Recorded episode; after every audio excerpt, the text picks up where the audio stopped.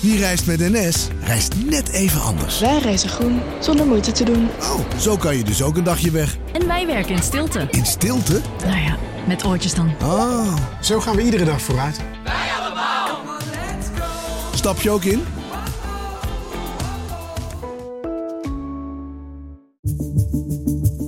Vanaf de redactie van NRC het verhaal van vandaag.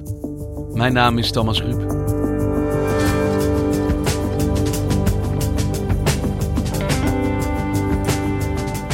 Is bij de Amsterdamse brandweer.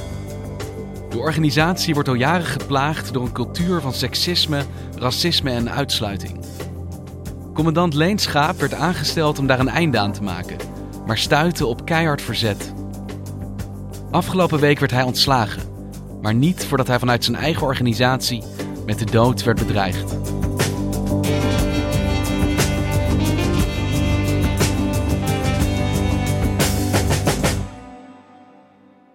Het begon eh, met een tip die we binnenkregen op de redactie dat er iets eh, helemaal mis was met de Amsterdamse brandweerorganisatie.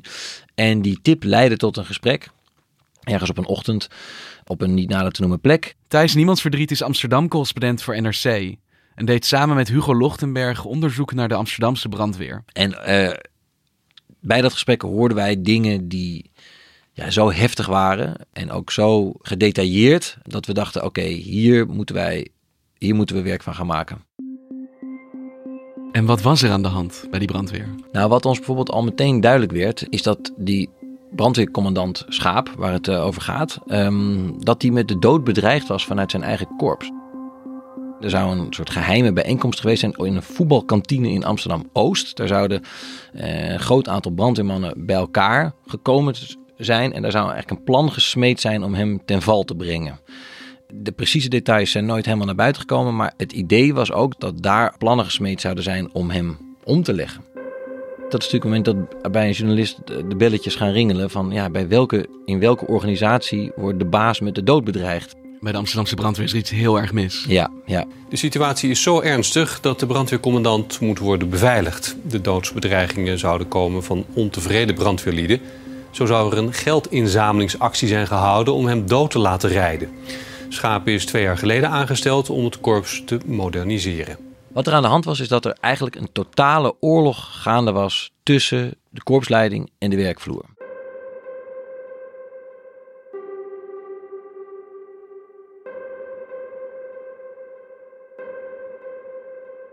Er zijn in Amsterdam een groot aantal kazernes en die hebben oud-Hollandse namen. Dus je hebt kazerne Anton, kazerne Teunis, kazerne Hendrik, kazerne Willem.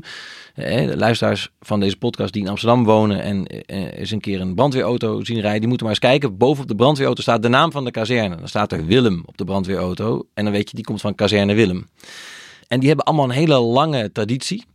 Eh, en ja, het is, alles in die kazerne ademt gemeenschappelijkheid. Er is bijvoorbeeld een hele grote keuken waar die mannen met elkaar koken eh, en eten. Eh, er, zijn grote, er is een hoek met een grote tv, met grote leren banken.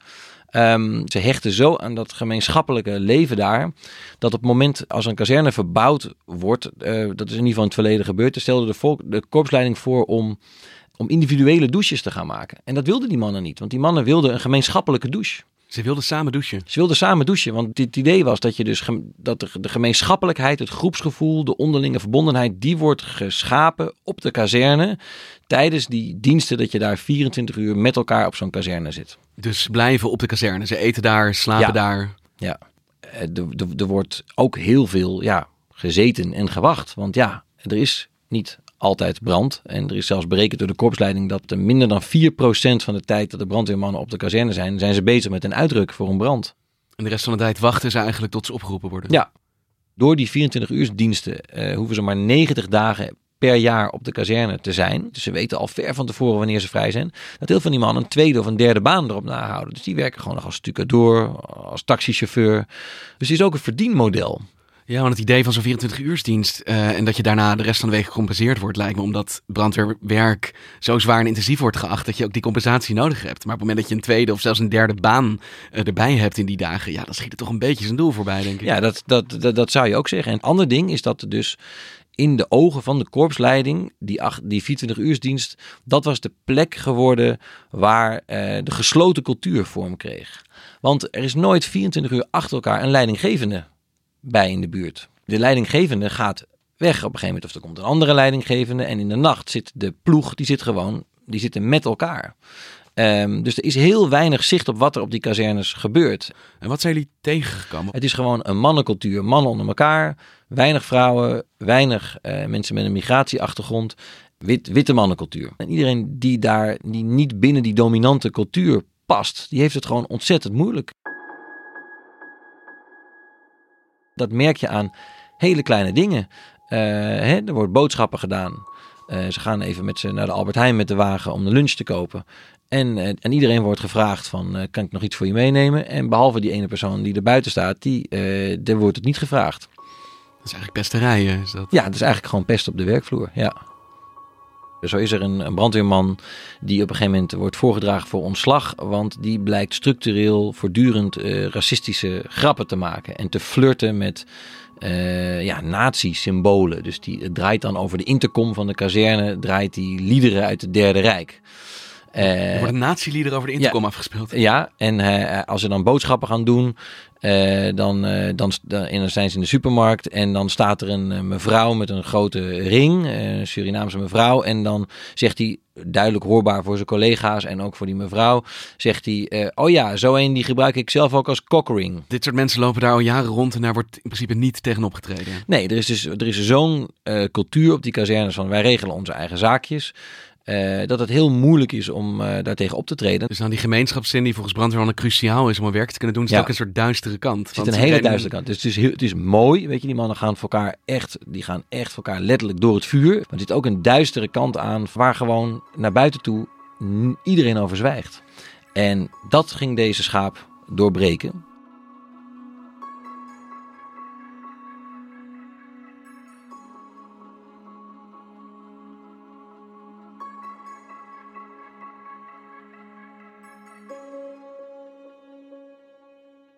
Feite eh, is de gemeente Amsterdam eh, al 30 jaar bezig om dit probleem aan te pakken. Begin jaren 90 zijn er een aantal burgemeesters die zeggen zo kan het niet langer. Eh, Ed van Tijn probeert er werk van te maken. Scheltepartijn zijn opvolger probeert er werk van te maken. Eh Job neemt een stap in, dat is in de eerste decennium van deze eeuw.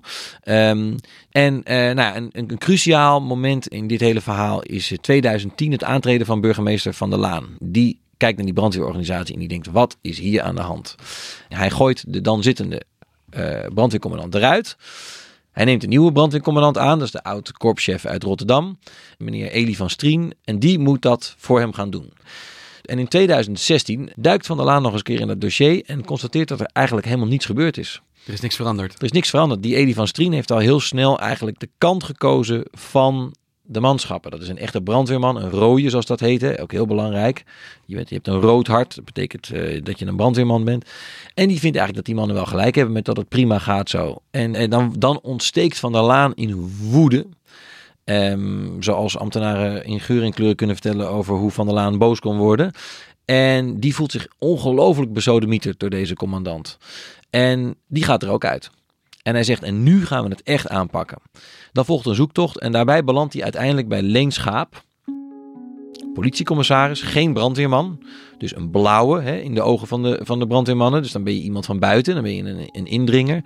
Van der vindt hem een geschikte kerel en die zegt... Leen, wil jij het gaan doen? Wil jij voor mij die brandweer nu echt ter hand gaan nemen? En is dat een bewuste keuze om iemand van buitenaf, eh, dus een politieman, bij die brandweer te zetten? Uiteindelijk wel. Het heeft er ook mee te maken dat Van der Laan gewoon in eerste instantie niemand binnen de brandweer in Nederland kan vinden die deze baan wil overnemen. Dus dit was de enige beschikbare man die En zei- uiteindelijk denkt hij, dan, ga ik, dan vraag ik Leen. En wat voor man is dat, die lijnschaap? Heel straight, kan bikkelhard zijn, maar ook een man die eh, is van een mannenman een woord een woord. Hij is rechtlijnig. rechtlijnig en hij vindt ook eh, dat je van tijd tot tijd moet kunnen provoceren. En dat is eigenlijk meteen ook waar het misgaat met hem. Hij gaat interviews geven, hij doet mediaoptredens en daar gaat hij ja, toch behoorlijke heftige dingen zeggen over die brandweermannen. Ehm, hij verschijnt op de radio. Nou, ik, wat ik daar aantrof was een uh, volstrekt uh, gesloten cultuur. Waar mensen geen enkel contact hadden en ook wilden met de buitenwereld.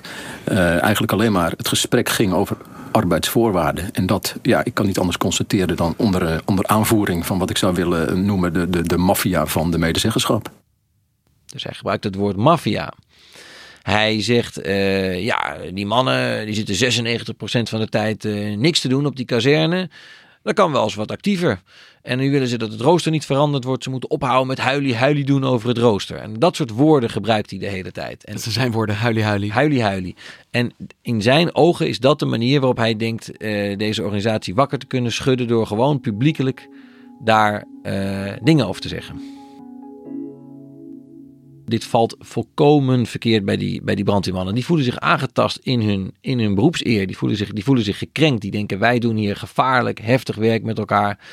En deze man, in plaats van dat hij voor zijn manschappen gaat staan, gaat hij, zit hij ons af te zeiken. Hij, hij haat ons.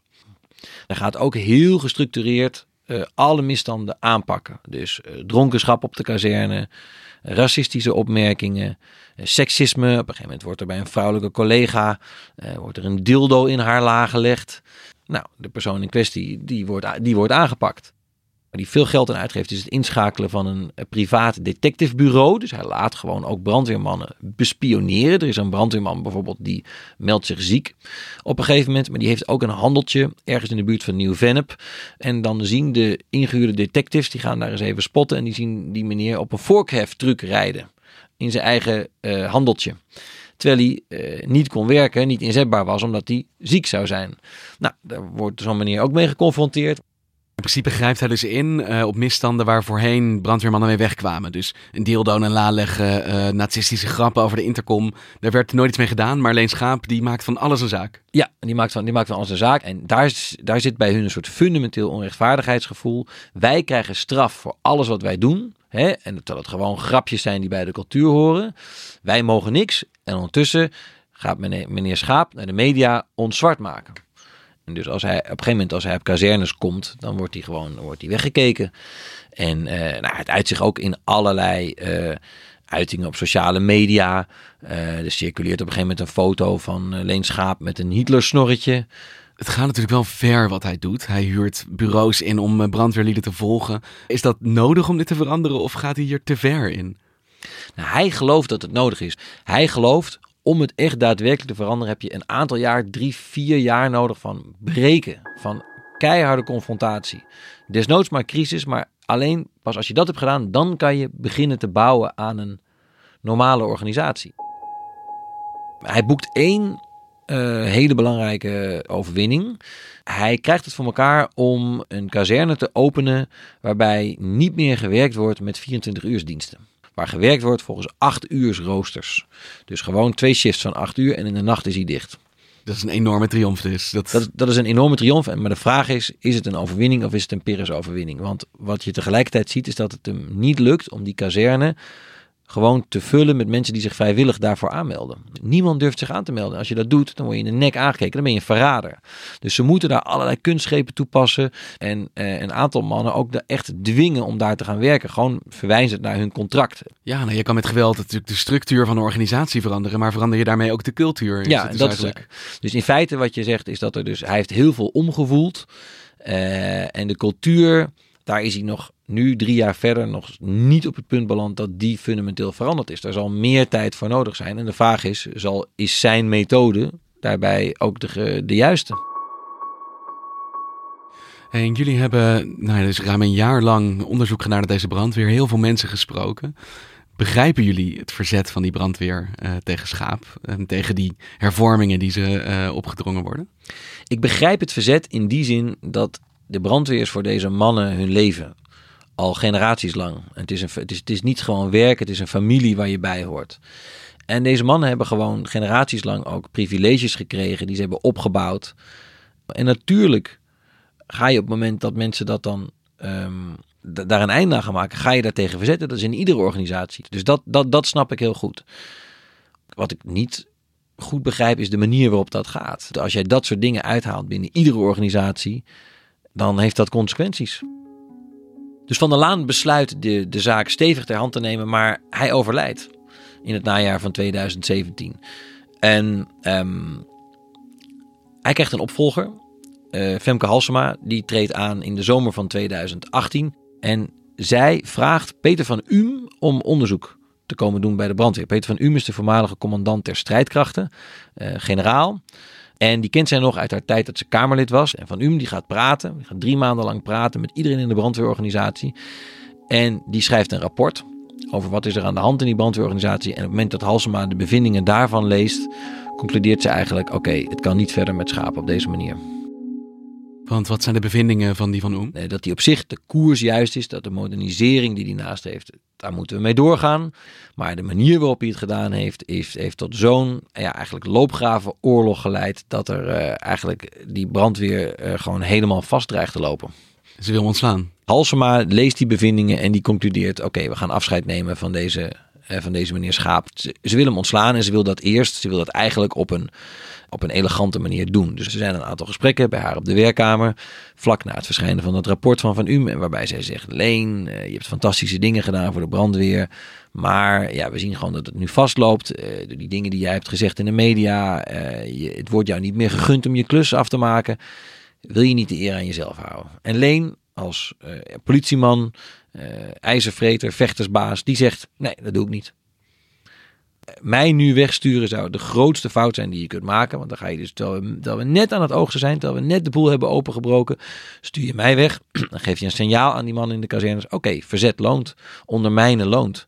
En, eh, en dan zet je het hele proces drie, vier, vijf jaar terug. En is Halsema daar gevoelig voor? Eh, De Amsterdamse brandweercommandant Leen Schaap moet vertrekken. Hij pakte structurele problemen bij het korps hard aan, maar dat viel niet goed bij het personeel. De heer Schaap heeft voor ons de afgelopen jaren de noodzakelijke grenzen gesteld bij eh wangedrag dat er ook was bij de brandweer. Dat is noodzakelijk geweest. Hij heeft daar sterk en af en toe hard in opgetreden. En nu breekt er een fase aan waarin ook verbinding met de werkvloer weer veel aandacht moet krijgen. En wij denken dat een ander gezicht daarin kan helpen. Als het aan hem had gelegen, dan had hij daar nog gezeten, was hij eh, deze strijd niet gestaakt. ja, had hij nog zeker drie jaar doorgegaan. En wat gebeurt er vervolgens vanuit de brandweer? Hoe wordt daar gereageerd op het vertrek van deze gehate commandant? Nou, feest. Eh, en dat is al waar in de, de, de, de maanden voorafgaand daaraan voor gewaarschuwd wordt. Hè? Op een gegeven moment eh, zegt iemand eh, tegen mij in een gesprek: ja, de confetti-kanonnen staan klaar op de kazernes. En dat is ook wat je ziet gebeuren. Er gaat op sociale media gaat er een foto rond van zes brandweermannen met feesthoedjes op. Ik geloof dat het een oude foto is, maar goed, hij wordt verstuurd in het, in het, in het licht van eh, de commandant is weg. Pedro van Raamsdonk, dat is een oud profbokser die eh, al inmiddels bijna 30 jaar brandweerman is in Amsterdam. Die verstuurt een tweet, die deelt het nieuws van het vertrek van Schaap met uh, tekst erbij. Ik hou van burgemeester Halsema. En als je spreekt van dat er een oorlog was tussen de mannen op de kazernes en de hervormerschaap, dan hebben de mannen op de kazernes dus gewoon gewonnen eigenlijk. Ja, en uh, wat heel interessant is, is wat er, wat er nu gaat gebeuren. Omdat Halsema zegt, Schaap gaat weg, er komt iemand anders, maar de koers wordt voortgezet. Ja, want hoe moet dit dan veranderen? Want er is jaren geprobeerd die brandweer te hervormen. Eerst van binnenuit, maar dat lukte niet omdat de organisatie zich tegen elke vorm van verandering verzet. Dan maar die man van buitenaf schaap met harde hand. Maar daar wordt nu van gezegd, ja, als je zo hard er tegenin gaat, dan krijg je nooit iets gedaan. Ja.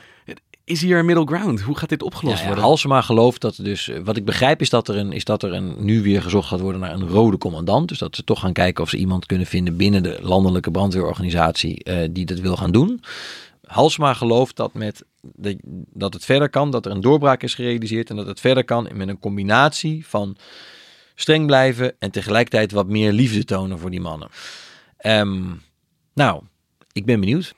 Maar als het merendeel van die brandweer eigenlijk zelf helemaal niet ziet dat er een probleem is, dan gaat dat toch niet veranderen? Dan kan je er een andere leider op zetten, een nieuwe commandant met een nieuwe tactiek. Alleen als ze het niet willen. Ik, ik, ik wens er veel succes. Ik, uh, ik denk eerlijk gezegd, ja, als je ziet hoeveel burgemeesters, hoeveel commandanten hun stand hierop hebben stuk gebeten, de, denk ik persoonlijk dat als Femke Halsema over een jaar of acht, negen afzwaait als burgemeester, dat wij in de krant schrijven, uh, ze heeft een aantal dingen heel goed gedaan als burgemeester, maar er is toch in ieder geval één dossier wat nog steeds niet is opgelost en dat is de brandweer.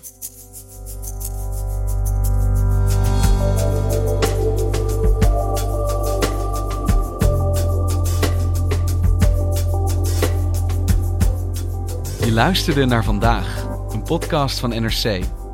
Eén verhaal, elke dag. Dit was vandaag, morgen weer.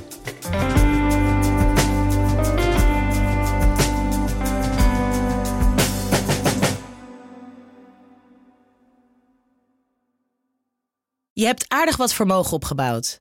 En daar zit je dan, met je ton op de bank. Wel een beetje saai, hè? Wil jij, als belegger, onderdeel zijn van het verleden of van de toekomst? Bridgefund is een slimme fintech die een brug slaat tussen de financiële behoeften van ondernemers en van beleggers. Dus wie belegt bij Bridgefund krijgt niet alleen een mooie vaste rente, maar brengt ook ondernemers in beweging.